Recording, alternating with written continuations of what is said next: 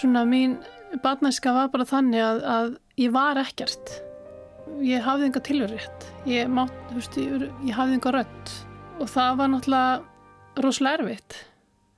En það var náttúrulega mér að kenna. Ég náttúrulega var alveg vonlaus.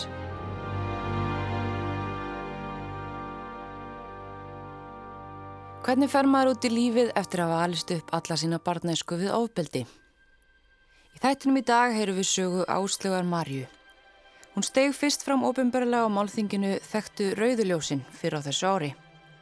Hún var fyrir miklu, grófu, andlegu, líkamlegu og kynferðslu ofbeldi á heimili sínu sem stóð frá því hún var fjögur ára og fram á fullanisár. Útofi var náttúrulega bara uh, falleg fjölskylda. Þau voru bæði í mjög fínum störfum og faðminn var náttúrulega aldrei þekktur tónlistamæður og og náttúrulega auðvitað þó, þó að við náttúrulega vitað að einhverju leiti að hann var náttúrulega óbildsneiður og, og hérna hann beiti náttúrulega móða mína miklu óbildi en það einhvern veginn bara fólk hóður bara fram í því. Og hérna en auðvitað náttúrulega enginn hefur hugsað til þess að, að óbildi hefur náttúrulega farið yfir á okkur. En ég minna við byggum alltaf fínt og, og, og vorum alltaf rosalega fín og, og útlistlega séð var aldrei neitt hægt að setja út á. Þannig að það var ekkert að sjá vannrækslu eða neitt slikt á okkur.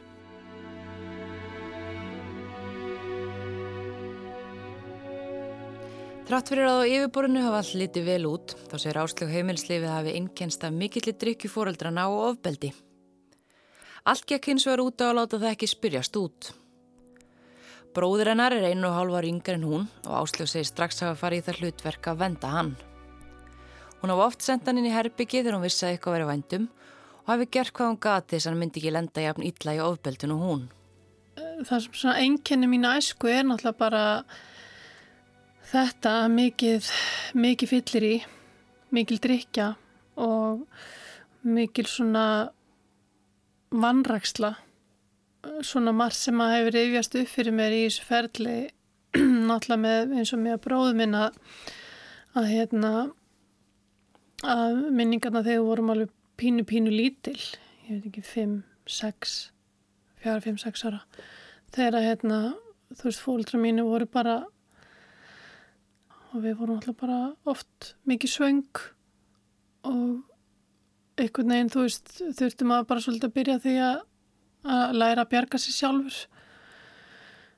Og, ég einhvern veginn svona var svolítið svona já, hvað ég segja, fullorins nefna, þú veist, mér fannst ég þurfa rosalega mikið svona að að vera til staði fyrir bróðum minn. Gefa hann að borða og passa upp á hann og passa upp á hann er ekki vitni af óbeldi eða hann er yrði fyrir óbeldi og annað. Og það byrja bara strax aðna á leiskólaldri. Hún segist fyrst mun eftir sér um fjara til fimm ára aldurinn. Um supaleiti og fadur hennar fór að leita á hana kynferðislega. Fyrsta minningin hennar er af því þegar fadur hennar var að beita móður hennar grófu ofbeldi.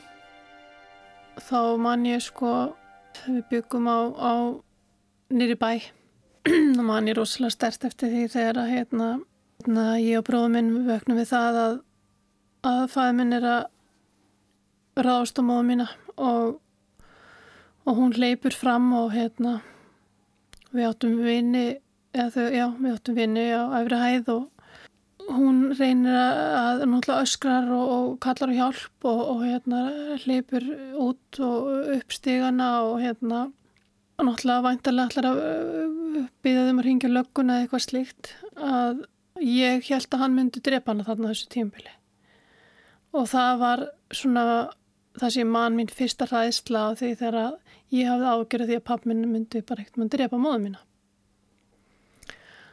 Og þetta er svona þetta er svona aðdug sem mann náttúrulega sem situr í manni. Og og hérna að því að svo náttúrulega bara þú veist farðist óbildi náttúrulega bara yfir á okkur.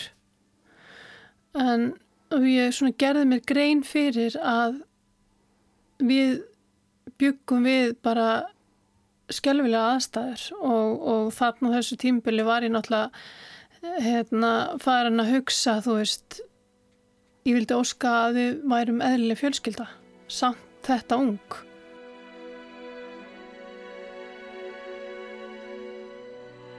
Óbeldi náttúrulega byrjar í rauninni það sem ég man.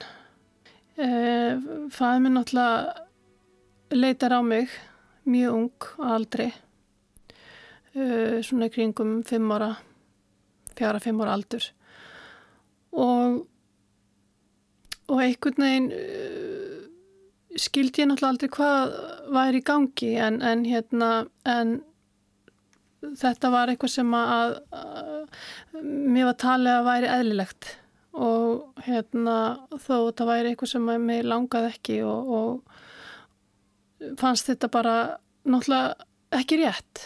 Síðan bara með hverju árunum sem líður þá náttúrulega eikst óbeldið.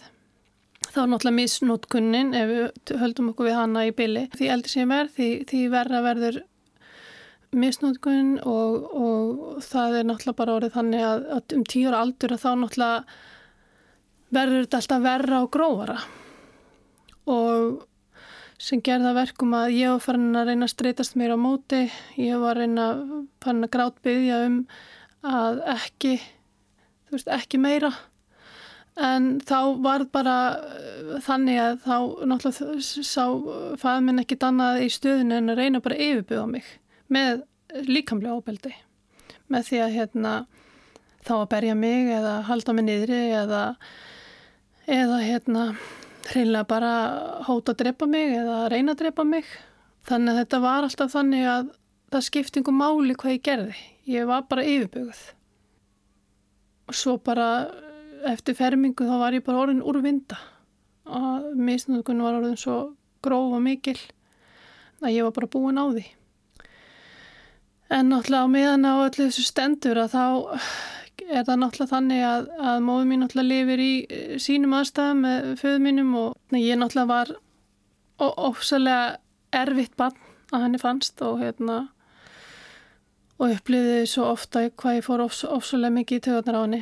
Og, og það náttúrulega ég gerði þá svo margt sem ég gerði ránt og hún náttúrulega byrjaði sjálfa að beita mig mjög grófu líkamlega ofbeldi Uh, öruglega um, já, svona tíu ára aldur að með minnir. Þó það hafi náttúrulega alltaf verið eitthvað en, en svona það vesta sem að dundi yfir það hefur verið kringum þann aldur. Og þá var það bara orðið þannig að að ég náttúrulega var bara orðin óbúslega hrætt alltaf að koma heim og vera heima hjá mér og og hérna og einhvern veginn skiptingu máli hvað ég gerði. Þú veist það var annarkot misnótkun eða ég var barinn eða, eða þú veist það, það var alveg sama hvað, hvað, ég var, veist, hvað ég var að gera. Breytingu þannig að ég vissi hvort, hvort er aldrei hvort ég var að gera rétt eða ránt eða, eða þú veist því að ég átti alltaf skilið að vera lamin eða beitt einhvers konar ábeldi En misnöndkunnin, áttu hún sér stað inn á heimilinu? Uh, já, uh, og náttúrulega fleiri stöðum, uh, bara hvað sem að hendaði í rauninu hverju sinni og hún fór mikið fram á heimilinu og hún fór líka fram á vinnistaföðu míns, geimslunni á þar sem við byggum, bara þessum ímsu stöðum þar sem að hann sá tækifæri til. Þannig að þetta var eiginlega bara þannig að það skipti ekki máli hvort ég var inn á heimilinu eða utan heimilis. Það var alltaf þannig að ég vissi aldrei hverju ég ætti vona á. Ef hann vildi ná í mig þar sem ég var eða, eða ætla að fara út í búð eða hvað sem er. Ég var aldrei, ég var aldrei óhullt. Það var bara hvert einasta tækifæri nýtt.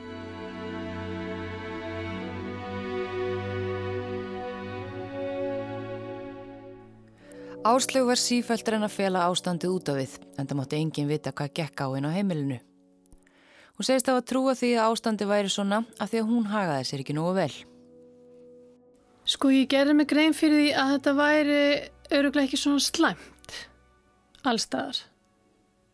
en það sem ég náttúrulega síðan fer í gegnum er að og, og svona það sem að einkenni náttúrulega mína barnæsku er að ástæðan fyrir þetta var svona slæmt er út af því að við vorum svo erfið og óþekk og við náttúrulega fórum ekki eftir reglum og annað og þá náttúrulega var það svona réttlæting yfir því að þetta væri svona slæmt heim í okkur því við náttúrulega vorum ekki eðlileg. Við vorum náttúrulega algjörir þú veist óþettur ormar. Og, og það hefur náttúrulega bara og þannig hef ég lifað lífinu, alla mína barnæsku og unglings ár er að, að hérna, þetta var náttúrulega alltaf mér að kenna. Þú veist, ef ég hefði bara verið stiltari og ef ég hefði, þú veist bara gert eins og, og hérna, beði var um þó ég var ekki alveg stundum alltaf vissum hvar mörkin væru en hérna þá væri þetta ekki svona rosalega slæmt. Svona mín barnæska var bara þannig að, að ég var ekkert. Ég hafði enga tilverið ég, ég, ég hafði enga rött og það var náttúrulega rosalega erfitt. En það var náttúrulega mér að kenna. Því ég náttúrulega var alveg vonlaus. Hún segir að líklega hafi fáir gert sér grein fyrir því hversu alvarlegt ofbeldi hafi verið. Hún viti þó til þess að ömmunar hafi grunað að væri að misnóta áslögu en það hafi ekki verið tekið mark á því. Það heyrist að sjálfsögðu við byggum í, í hérna blokk og sjálfsögðu hefur heyrst á milli hæða. En þetta náttúrulega er á þessum tíma sem að þú veist, fólk er ekkert að skipta sér af eða blanda sér inn í hlutina og þegar ég náttúrulega er orðin unglingur að þá já svona 11-12 þá fer ég í það að bara svolítið að streytast á móti og hérna gera svona uppreist ég gati ekki meir. Mér langaði bara ekki að lifa þessu lífi lengur. Það var bara orðið allt of mikið fyrir mig. Að það standast allar þessar kröfur og og bara hafa ekki þann tilverjætt og, og geta ekki fengið að vera bara með að gera það sama hinbönnin og, og, og hérna fá að vera frjálst bann.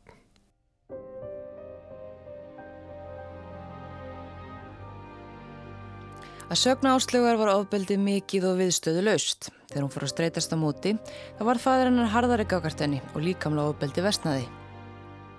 Í eitt skiptið, þegar hún streytist á móti, fór hann meðan út á svalir og hótaði hendinni niður af áttundu hæð. Stuttu setna lamaðast hún uppu þurru, nokkuð sem hún er heyrt eftir á að geti skýrst af áfalli.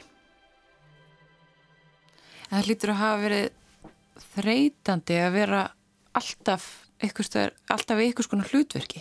Já, það var það. Og í rauninni sko minni mig kringum allavega ára aldur að, að hérna, þá lamast ég lamast uh, bara alveg frá já, frá brjóstu og niður. Og í rauninni bara, veist, ég vakna bara þannig í daginn, ég bara hef yngan mátt í, í fótum.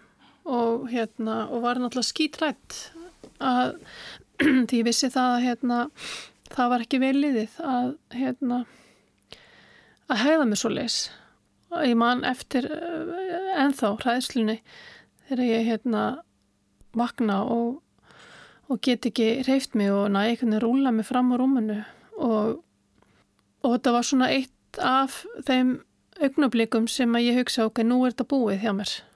Nú, nú er þetta bara búið hjá mér.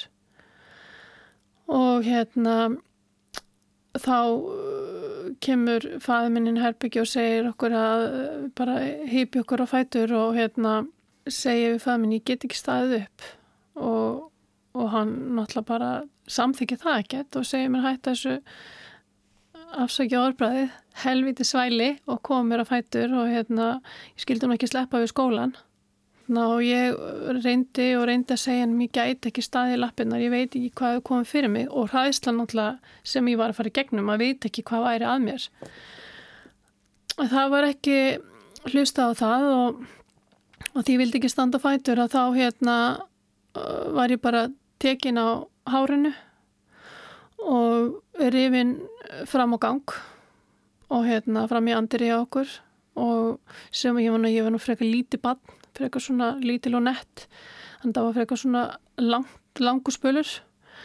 Og þaðan var ég síðan rifin fram á samegn og alveg fram á liftu og það eru alveg, þú veist, nokkri metras og hérna og og, þar, og ég er náttúrulega arga og, og græt og grátt við pappamunum og hætta að draga mig á hárunu og, hérna, og segja hann ég er að segja satt, ég er að segja satt.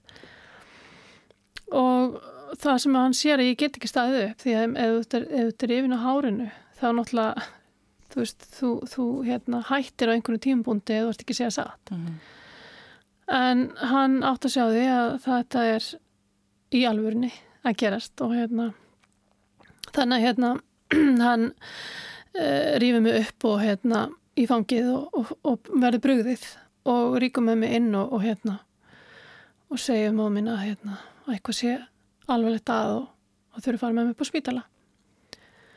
Og svo man ég bara eftir mér hérna á, á spítalanum og hérna ég var hérna í einhverja mánuði lömuð. Og þessum tímaðan á spítalanum að þá kannski voru ágjörna mestar að og mín upplifun var þessi að hérna, ég myndi segja frá. Og hérna, að, að það myndi komast upp um allt og, og, og það væri kannski bara svolítið búið að klára mig. En þetta allan var þannig að ég þurfti að læra að ganga upp á nýtt og, og ég man þetta var mjög erfitt. Kastað upp á þarna fyrstu, fyrstu skrefu mín sem ég tók. Þurfti að læra að lappa upp tröppur upp á nýtt og allt það og ég hugsaði með mér, ok, um, þú veist, kannski hættaðu núna. Kannski hættaðu að berja mig svona mikið og, og meiða mig svona mikið. En það var, það var bara ekki þannig því miður.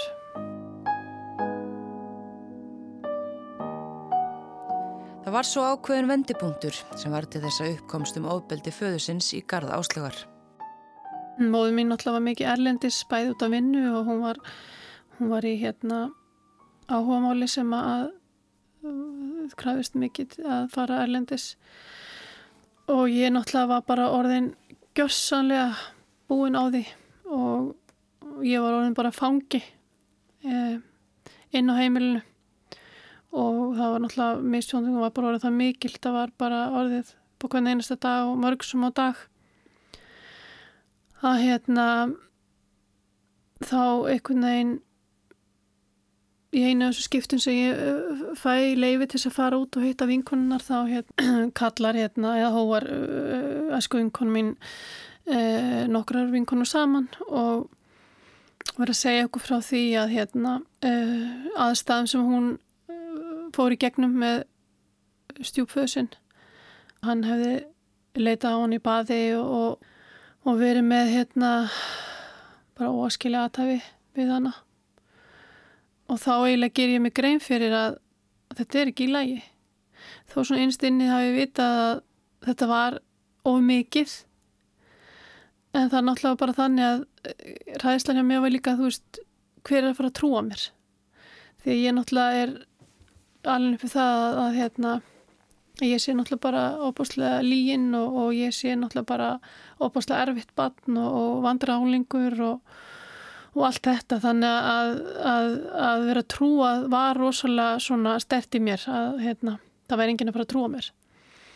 En þegar ég áttum mig á þessu að, að þegar hún er að segja frá þessum, þessum aðtökum sem að hún var fyrir með stjúföðu sín að þá segja ég við hana hérna, með langið að fá að tala við hana sér einrúmi og segja henni svona gróflega frá því hvað er í gangi á mínu heimili með föðu minn og henni var svo rosalega brugðið að hún neytar að lega mér að fara aftur heim.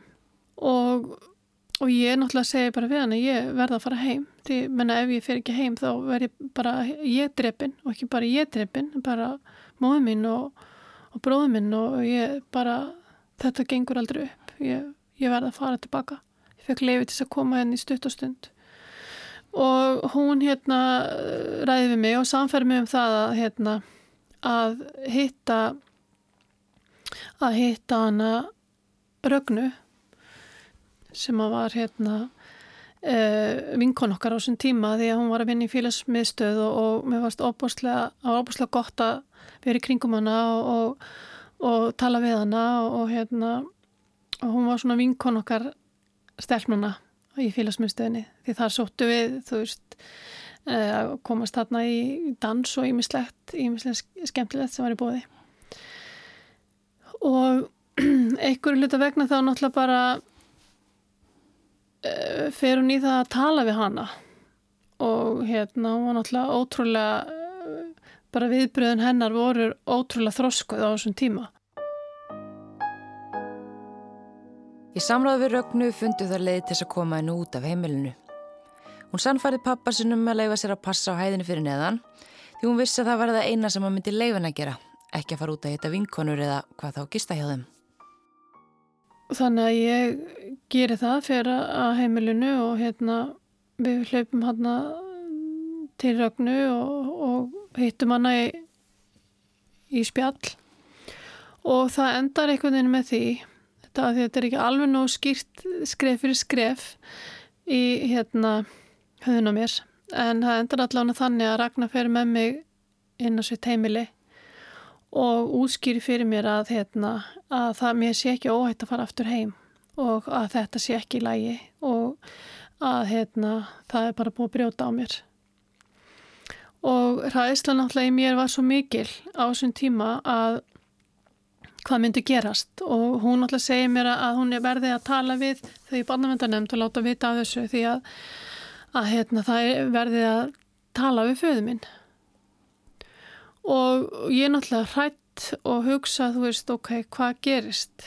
Þú veist, hvað hérna hvernig fyrir þetta fram og, og hérna og allt það. Þannig að hérna svo sa, samfæðist ég um það, ok, kannski bara gott eða þeir tala við pappa minn en í mínum barslega huga er þetta náttúrulega þannig að, að uh, þau myndu bara tala við pappa minn og segja við hann, það má ekki gera svona við barnið sitt. Þú veist, það, það gengur ekki. Bara nú er áslið bara úrvinda búin á því hún vill ekki meir og hérna þetta verður að hætta. Og þá er þið bara allt í, í lægi en það var náttúrulega alls ekki þannig. Og hann náttúrulega var bara handtekinn og tekinn yfirherslur og og í einhverja daga yfirherslu þá enda með hann játar fyrir misnótkunna og ég náttúrulega var óbáslega reið út af þessu vegna þess að ég náttúrulega gerði mér grein fyrir að það myndi fara svona og hann myndið að enda í fangilsi.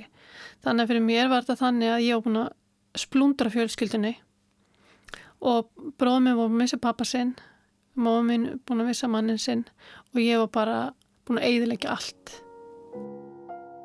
Starfsmaðurinn í félagsmyndstöðinni sem áslögu og vinkonurna leituð til er Ragnar Björg Guðbrandsdóttir sem í dag er verkefnastjóri Bjarkarlíðar með stöðurum heimilisofbeldi. Þarna var hún réttur umlega tvítug og segir að það veri erfitt að heyra því ofbeldi sem áslög hafði orði fyrir.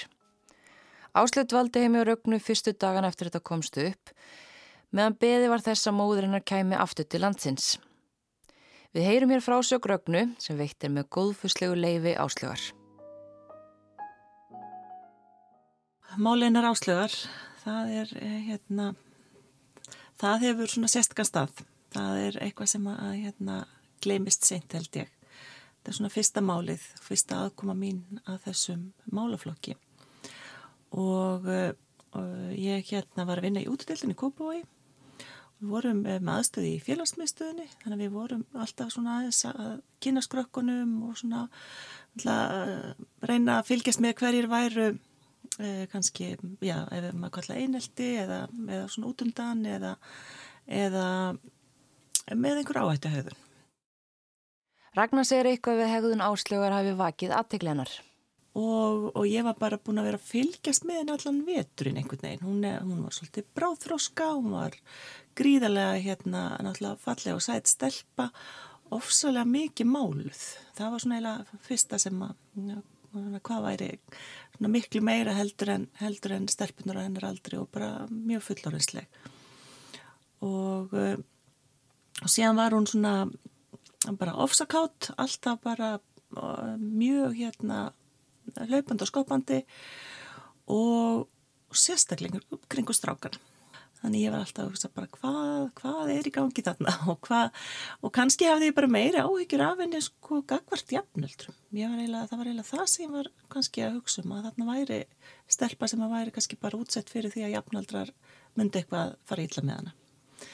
Þannig að þegar ég fæ síðan þessa ringingu uh, frá, uh, og ég man ekki hvort var henni að vingunin hennar sem að báði mig að koma að hitta sig, að þá bara fór ég strax og uh, og síðan þegar hún, hún segir mér hver ástæðan er semst að hún þór ekki að fara heim til sín.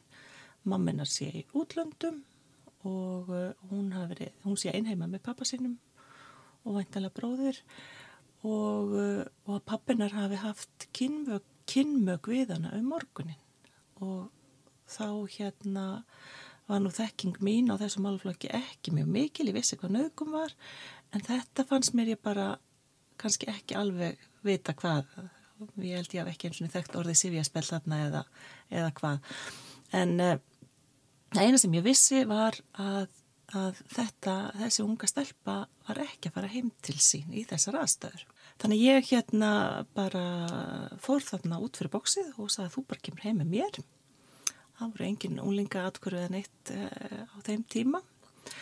Og uh, ringi sér í minn yfirmann, félagsrákjafa og hún bara spyr hvort ég geti haft hann um nóttina og, og hún fer síðan bara í það að, að, að ringja í lauruglu og, og, og þetta bara morgunin eftir er bara e, allt komið á fullt. Áslög fer í, í hérna lækniskoðun og síðan í skíslutöku og pappinar er sem sagt tekin.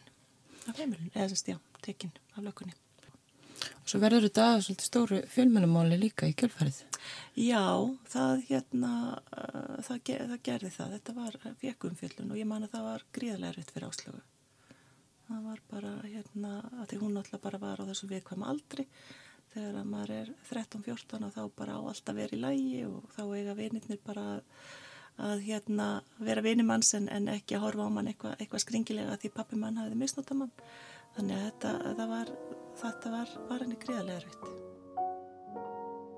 Á meðan dvaldist Áslög hjá Rögnu en síðan dvaldist Ragnar hjá Áslögu og fjölskyldi nokkra daga eftir að mammina var komin aftur til landsins. Á þeim tíma sað hann ekki frá því ofbeldi sem hún segi móðu sína hafa beitt sig. Það opnaði hann sig ekki um fyrir en lungu síðar. Það kom mér að það kom mér greiðlega óvart og þá svona hugsaði maður hvað, hérna, hvernig, hvernig við höfðum í raun og veru brúðist henni hvað það varðar. En uh, á sama tíma að þá uh, vissu við að það var gríðilega font samband á milli hennar og mömmunar og það var sem sagt áslög var hrætt við hana og hún var, var svona, já, bara leið ekki vel í kringum hana. En, en við settum það svolítið á svona þá þekkingu sem við höfðum þá á þessum málaflokki og, og það er mjög þekkt að þegar það er ofbeldi innan fjölskyldu, sem sagt kynferðsofbeldi, sifjarspell innan fjölskyldu að, að feður eidileggi samband móður og dóttur til þess að þeir geti verið aðal, aðilinn í málinu. Þannig að þeir eru sá góði og svo vondi og mamman er bara vond til þess að barni fari ekki og segja mömmunni frá því sem hefur gerst. Þannig að við svona töldum að það, þetta væri kannski skýringin á því hvað hennar, hennar ótti við, við móðu sína sem að hérna, við hefum náttúrulega þurft að kanna betur á þeim tíma. Ragnar segir skipta gríðalögu máli fyrir þá sem starfi kringu börn og úlinga að vera vakandi fyrir ummerkjum um ábeldi. Og það sem skiptir náttúrulega öllu máli þegar að um áföllir að ræða og þegar að fólk treystir annari mannesku fyrir sinni sögu sem að er náttúrulega gríðilega mikið skref og þá er eins og í, í, í, tilviki áslöður var hún búin að öruglega hugsa það mjög lengi og mikið hverjum hún gæti sagt frá. Sýnir kannski líka hvað skiptir máli að, þeir sem að vinna í kringum börn og líka séu vakandi og maður það er um svona hluti. Algjörlega. Því bann sem að sæti kynferðsopildi að það er alltaf að leita að mannesku og alltaf að leita einhverjum svona merkjum. Skildi þessi manneski að geta hérna hjálpa mér, skildi þessi manneski að hérna, trúa mér? Þannig að þess vegna er svo mikilvægt að, að það séu allstaðar svona, já, kannski eins og hjá námsrákjöfum og slíkt séu bæklingar um, um, um leiðir og kynferðsopildi og annað. Þannig að krakkar svona að því þau, þau horfa eftir merkjunum. Hvort og hvenir þau geta sagt einhverjum frá. Þrátt fyrir að það væri búið að koma upp um misnótkun föður hennar þá upplýði áslegu ekki mikinn letti. Það var fljótt að spyrjast út hvað þið gerst og samfélagi var allt öðri sig á þeim tíma þegar í dag. Umræðum slík mál var afar skamt á við komin. Hún segi fjölmjölum fylgur málið hafi verið mikla og þar auki að hún hræðist að búa hjá móður sinni. Það reyndi náttúrulega mikið á vegna þess að hérna, þetta eh, sagt, varð bara ofinbert og allir vissu orðið hver við vorum. Ég var ekki, ég gæti ekki orðið lengur farið í skólan minn, mér er náttúrulega leið hræðilega illa því að það vissu allir hvað hefði gerst og hérna, heimil okkar var myndað og, og nöfn okkar og, og allt þetta var allt bara opið. Og það gerða verkum að þetta var bara óbærilegt fyrir mig. Því að þetta er náttúrulega í rauninni sko skömm. Maður er að lifa í svo mikil skömm maður skamma sín fyrir að þetta hafi, hafi verið svona. Og að ég hafi verið inn í þessum aðstæðum. Þannig að það er það sem að teku við. Vanlegan yfir því að hafa já, vera orðin ofinberð og í rauninni sko var það þannig að, að, að faðminn var mjög vinsæl hann minna vinkunum mín er alla dyrkuðan og fannst það alveg rosalega skemmtilegur fyndin og skemmtilegur hress og, en ég vildi náttúrulega helst ekki vera mikið heimi á mér með vinkunum mínum því að hérna, ég var alltaf svo hrættum að hann myndi gera eitthvað við þær. Þannig ég vildi helst bara vera heimi á þeim. Og þeim fannst það skrítið. Þannig að hérna hræðslan líka við það að hérna bara eins og ég hef sagt áður að mér er ekki trúað vegna þess að hann var svo skemmtilegur og res að það var líka svo erfitt. Því að þú veist ég er náttúrulega bara eins og segi ég hef alltaf lifað í þeirri trú að ég væri svo mikill legari þetta var rosalega óbáslega erfið tími og ég var rosalega reið ég var svo reið yfir því hvernig þetta mál var unnið að því ég náttúrulega var bara barn sem var uppgefið, úrvinda, búin að eðilegja fjölskylduna, skítrætt og vissi ekki hvað var framöndan. Æsku vinkuna áslögar, Jenny Valberg, kynntist áslögu þegar það vorum nýjára gamlar. Móðurinnar bjóða hæðin fyrir neðan áslögu fjölskyldunar og þegar Jenny kom til móðusinnar þá leikuð þær sér saman. Jenny sá hana sem algjöran liðtoga sem allir hefist af, meðan áslögu finnst hún alltaf hafa verið ykkur skona hlutverki að reyna að fela þann sásöka sem bjó inn í henni. Ég man mjög vel eftir þessu tíma. Við vorum svona kannski báðar þannig að við vildum hvoru að vera inna á heimilinu þannig að við vorum yfirleitt úti. En hún er svona manneska sem maður man mjög vel eftir. Hún var fyrir að fyrst að hún var opbúslega hræs uppátækjasum og hérna var svona lítir. Og hérna náði fólkin með sér og hvar sem að hún kemur í rauninu þar flikast aðrir í kringum hana. Og vannstu eftir þér að þetta mál komst í ámæli þegar þetta komst upp? Já, ég man eftir. Ég eiginlega bara mann hvar ég var þegar ég sá þetta. Það var alltaf rosalega erfitt og hérna, og ég vissi ekki af þessu. Við alltaf kynnust þegar við erum líklega svona nýju ára og við erum hérna nýju, tíu, allir tólf ára og, og við náttúrulega rættum aldrei svona mál og þessum tíma þú, börnum voru ekkert að ræða aðstæðar á heimilum og ég man að ég satt eldursporðu heima og mér finnst þetta eins og að það hafi verið TFF og ég sé þetta bara fórsinn, ég sé bara þetta og ég er að lesa þetta og ég, ég skilir þetta ekki alveg veit, það hafi raun aldrei neitt sagt mig hvað sifjarspill var og ég sé þarna um hérna að vera að skrifa um hérna hvað pappinar hafi gert. Ég var bara ekki að tengja þetta veist, og, og ég vissi þetta var eitthvað svo hræðilegt. Og það er náttúrulega tímið sem að þú ert ekki með náttúrulega GSM síma eða eitthvað. Og þú varst ekkert að ringja og ég fann að þú veist, mér, ég var eitthvað svo fann svo erfitt að ná ekki til hennar og, og, og sama tíma verði ekki alveg að skilja hvað þetta var. Og svo þegar að kannski aðeins lengra leið frá þá fór maður svona kannski að muna eftir aðtökun sem maður hefði átt að stoppa við ef maður hefði skilið það eins og einhvern veginn þegar ég fer ég segja að svona, við hefum verið allir 12 ára kannski, að ég fer á banka hjá henni og er að spyrja eftir henni og hún er að koma út og pappina kemur fram í dýrakettina og pappina var einhvern veginn aldrei að skipta sér neitt af mér og ég hafði, jú, bara mætt honum og þú veist, heilsa honum geinu sinni, þú veist, maður var ekkert á þeim tíma endilega að heilsa þessum fóreldrum og hérna, hann kemur fram og við erum eitthvað að tala og ég man ekki eins og um hvað. Og allt inn einhvern veginn kemur inn í umræðinu honum og hann segir, já, en þú veist, þeir eru eins og með brjóst. Og ég er svona að horfa á hann og hugsa, brjóst? Hver að pæli brjóstum? Ég er að menna, við pæltum aldrei brjóstum og mér finnst þetta eitthvað svona skrítið en áslu hún bara trillist. Hún bara öskrar á hann og lemur hann og reynir ít honum inn í íbúðun aftur og hann eitthvað neina svona heldur áfram eitthvað neina augra og, og ég horfi á þessu uppákomu og, og ég bara svona átt að mig ekkert á þessu hvað er að gerast þarna? Þegar ég leið tilbaka og náttúrulega sá þetta í þessu samhengi og, og hvað hún í rauninu var að verja og verja það að eins og hún náttúrulega sagði mig setna, hún vildi náttúrulega alls ekki að vinkunina kemi inn eða pappina væri að skipta sér af þeim en líka náttúrulega verja það að þurfi ekki að vera afhjúpuð. Jenny nefnir önnur dæmi sem hún mann eftir og eitt sem hún mann sérstaklega vel. Það var hérna einmitt nokkrum ára setna, við hefum líklega verið orðnar eitthvað áttján ára og, og eins og var á þeim tíma þegar við vorum og þeim aldrei þá var rosalega mikið krakkar að hittast nýri bæ og ég hitt hennar þar fyrir tilviljun. Ég var með öðru fólki og hún var með öðru fólki og við bara segðan hittust þar. Hefðum ekki sérst lengi og við náttúrulega bara svona bara hæ og knúsumst og þú veist ég held utanum henn og við erum eitthvað bara allir að lappa eitthvað saman og ég held utanum henn og meðan við erum að lappa. Svo heyr ég svona fyrir aftan mig að það er kallað hei þú veist þetta er stelpann sem pappina nauðgæði og ég bara svona finn hvernig hún bara svona stipnar upp andartak en svo heldur hann áfram að lappa. Hún lítur aldrei á hann og lætur eins og hún hafi ekki hert þetta.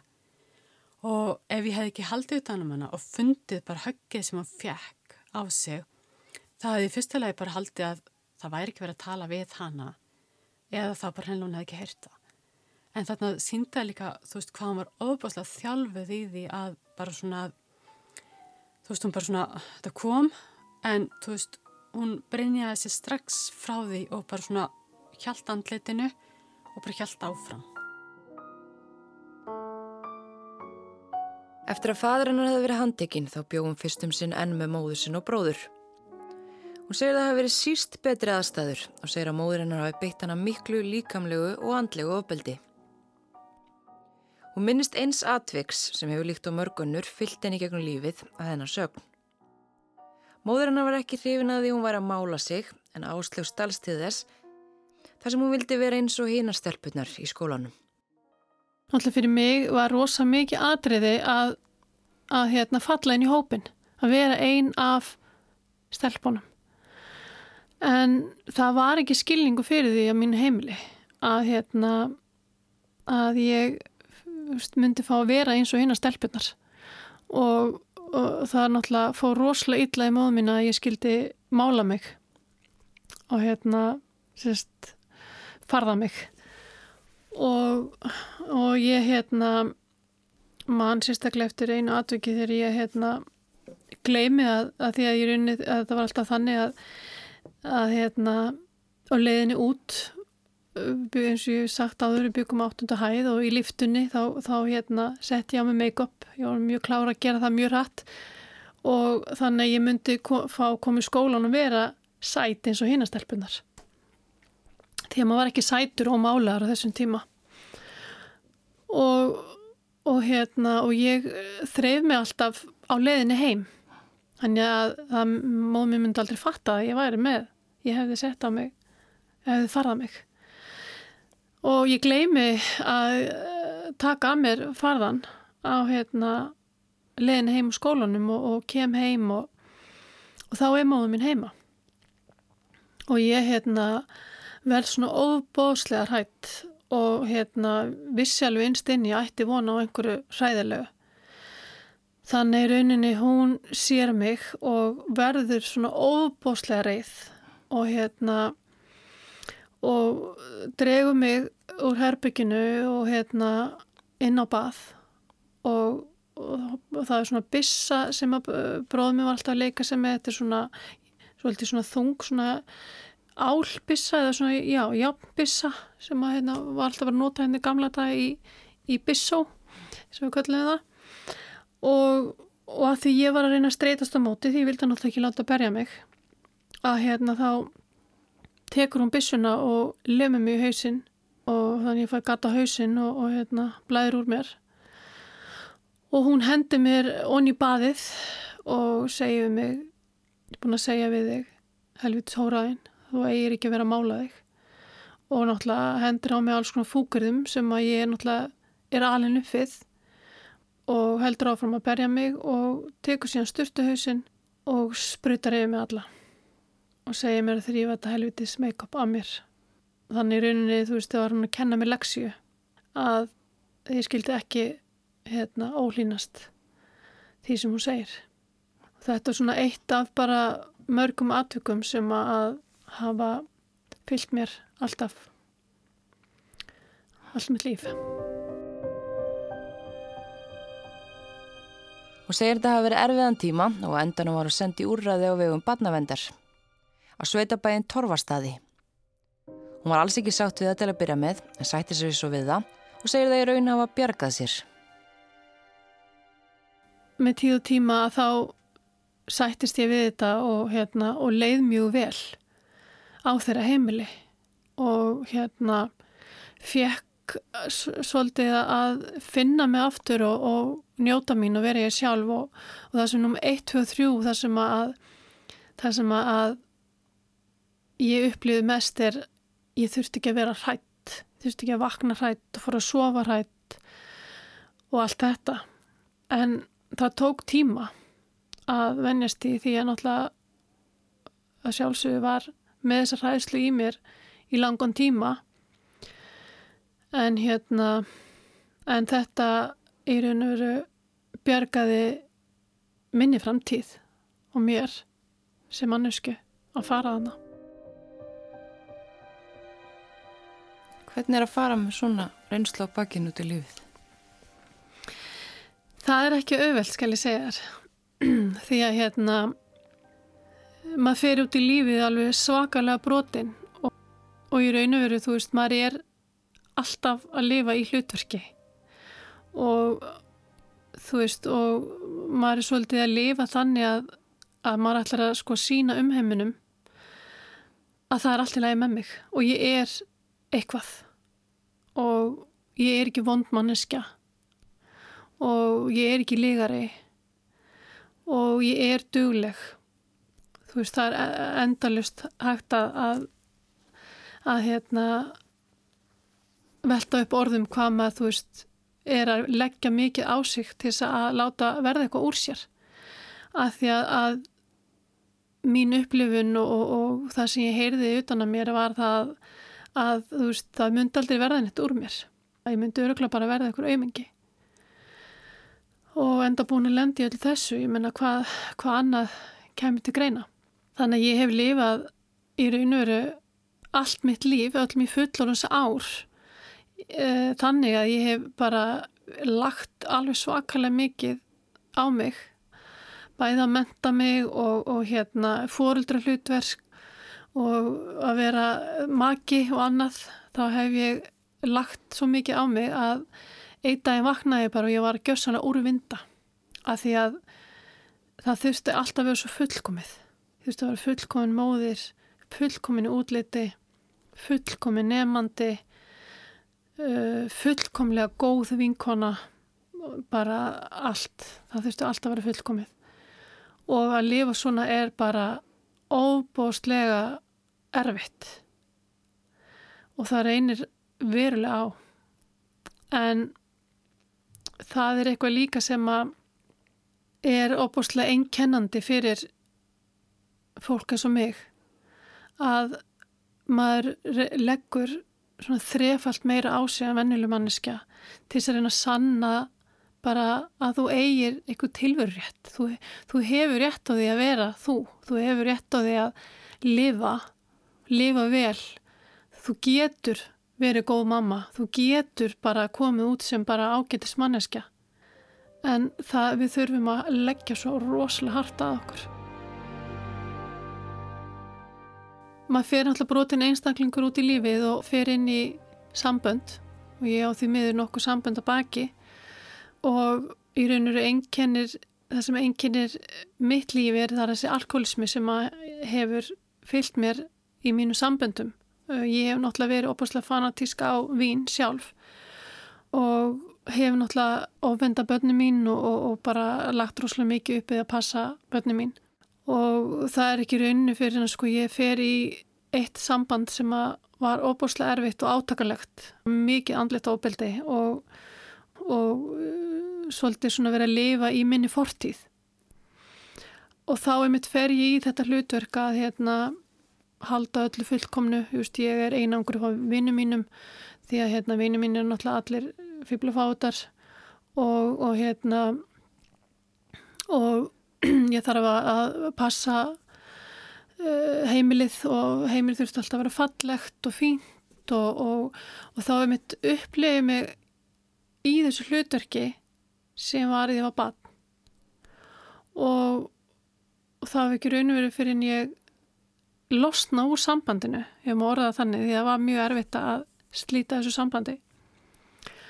Að ég átta mig á því hvar ég er stött og þessi stað hefði bara farið það að þú veist náttúrulega eins og bara þrif að þrýfa þetta var náttúrulega bara það var ekkit eðlilegt hvernig hérna ég held heimilinu reynu og fólk var svona að reyna að benda mér á en þetta var svona eina leiðin fyrir mig til að halda öllu í, í einhvers konar ramma fyrir sjálfa mig. Þannig að ég átta mig á því að ég var bara frekar illa stött Hún stegist aldrei að hafa sagt frá því að hafa orðið fyrir ofbeldi af hendur móðusinnar fyrir hún saði móðusisti sinni það þannig að hún var komin yfir þrítugt. Í dag er hún ekki í sambandi við móðu sína Hún segist að var fundið að hún myndi aldrei ná að lifa með sjálfu sér ef hún myndi ekki segja frá og gera upp þá hluti sem hefðu setið í henni. Og það var þá sem boltin fór svolítið að veltast inn í mér að ég ætti bara rosalega mikið óuppgjert þarna því að hérna í rauninu var ég bara blæðandi sár og hafði aldrei þórað að segja neinum neitt. Og, hérna, og það skildu aldrei neinir, nein, neitt eh, fólki, fólki kringum okkur þú veist, af hverju samskiptin hjá mér og móðminni voru svona skrítin eins og þau voru. Svo bara í daginn þá bara gæti ég ekki meir fekk ég bara alveg nóg. Og alla bara fekk nóg að því að við erum alltaf að heyra það hvað ég væri að standa mýtla í lífinu, hvað ég væri veik og hvað ég væri, þú veist, mikið laumingi og það var það sem að bara eiginlega kláraði mig alveg. Því að hérna að ég held að það sem fólk skilur ekki sem hefur ekki lendið svona aðstæðum að þetta er rosalega mikil árensla að fara út í lífið og reyna að lifa sem vennilega einstaklingur. Það er bara óbáslega átakalegt og mjög erfitt. Að því að maður vill að maður vill að fólk viður kennir mann eins og maður er. En ekki dæma mann fyrir það sem maður hefur hef lendi og það er hæðislan Í dag er ég náttúrulega bara alltaf að vinna í þessum málum og hef gert það alla tíð og hérna og í rauninni sko og ég mun alltaf þurfa að vinna í þessum málum því að hérna þetta, þetta er bara þannig að þú hættir aldrei að vinna sjálfu þess. Bat sem verður fyrir svona óbáslegum skada, það klárast aldrei að vinna sjálfum sér. Því að þú, þú, þú fer kannski inn í atvik, serið við stuff fyrir þér og sérstaklega núna á þessum tímum. Og það sem mann alltaf kannski var stóri vendipunkturinn hjá mér er alltaf me too, hérna allir þeir sem eru að koma fram og annað að það hefur svona gert að verkum að ég hef svo að, ég að veist, ok, ég, ég á tilurrétt, ég er unnur bara ég er bara manneski sem að varð fyrir óbúslega miklu áfalli og óbúslega skelvilegri æsku. Og það hefur hjálpað mér líka helling að upplifa mikið aðleina því að við, við og ég verði alltaf að tala um okkur sem höfum eh, farið gegnum svona æsku maður upplifir þessu svo aðleinan og skemdan, maður er bara svona svolítið eins og göllu vara. En í dag gerir mig grein fyrir að ég er ekki göllu vara. Og ég er svona alltaf að stíga meira og meira svona inn í það að ég röndi mín skipti máli og ég skipti máli. Og ég er bara dugleg og ég hef fengið að heyra mjög mikið sérstaklega eftir málþingið í sumar að, að ég væri hetja. Og það var mjög skrítið fyrir mig að heyra það að ég væri hetja. En ef ég horfi á fólki í kringum mig sem hefur lendið svum aðstæðum eða svipum aðstæðum þá horfi ég á því að þau eru hetjur. Þannig að ég ætla bara að leiða mér það að vera hetja. Minna mig á það að ég lifði af og ég hef gert ótrúlega hluti og stórkostlega hluti bæði fyrir sjálfa mig og fyrir aðra. Og hefur reynd að standa mig bara mjög vel. Þannig raun og veru er ég stött þar í dag. Fyrst er að hjálpa þér að segja söguðina? Það bæði hjálpar mér og ég vil geta hjálpa öðru fólki með minni rött og ég hef fengið að heyra það að eftir málþingi í sumar að ég hef hjálpað alveg ótrúlega mörgum bæða stíga fram, leita sér hjálpar og annað. Fólk hefur komið tekið utan á um mig út í búð eða hvar sem er. Ég fekk yfir 200 tölvupústa og, og ég gerði ekki grein fyrir að ég gæti virkilega hjálpað og það er það sem að mér finnst stórkoslegt. Er það eitthvað tíman á seint til þessar aðstöðar? Aldrei á seint. Aldrei nokkuð tíman í rauninni er það þannig að við skiptum öll máli ef þú hefur farið gegnum ofbeldi að það er ekki, það er ekki manni sjálfum að kenna. Það skiptir ekki máli hvað það er sem þú gerir að því að þetta snýst náttúrulega allt um það að ofbeldi er út af því að það er eitthvað að okkur sem manneskum en það er ekki þannig. Ofbeldi er aldrei réttlætanlegt á neitt hátt. Skiptir engum máli hvort að manneskjan sé í víni eða einhvers konar annars konar neistlu eða hvað sem það er að það er aldrei réttlandalegt og maður á alltaf að ef maður upplifir það að, það að maður sé inn í aðstæðum hvort sem það er e, með fórildra eða, eða maka eða jafnvel börnin manns að maður sé beittur einhvers konar ofbeldi að maður upplifir að sársöku inn í sér að, að það sem er verið að segja við mann að gera við mann er sárt þá ámaður að fara og leita sér einhvers konar aðstöða til þess að fá mat á það hvort þetta sé í lægi eða ekki. Af því að við getum ekki vitað hvort þetta sé í lægi eða ekki þegar maður er inn í svona ræðilegum aðstæðum.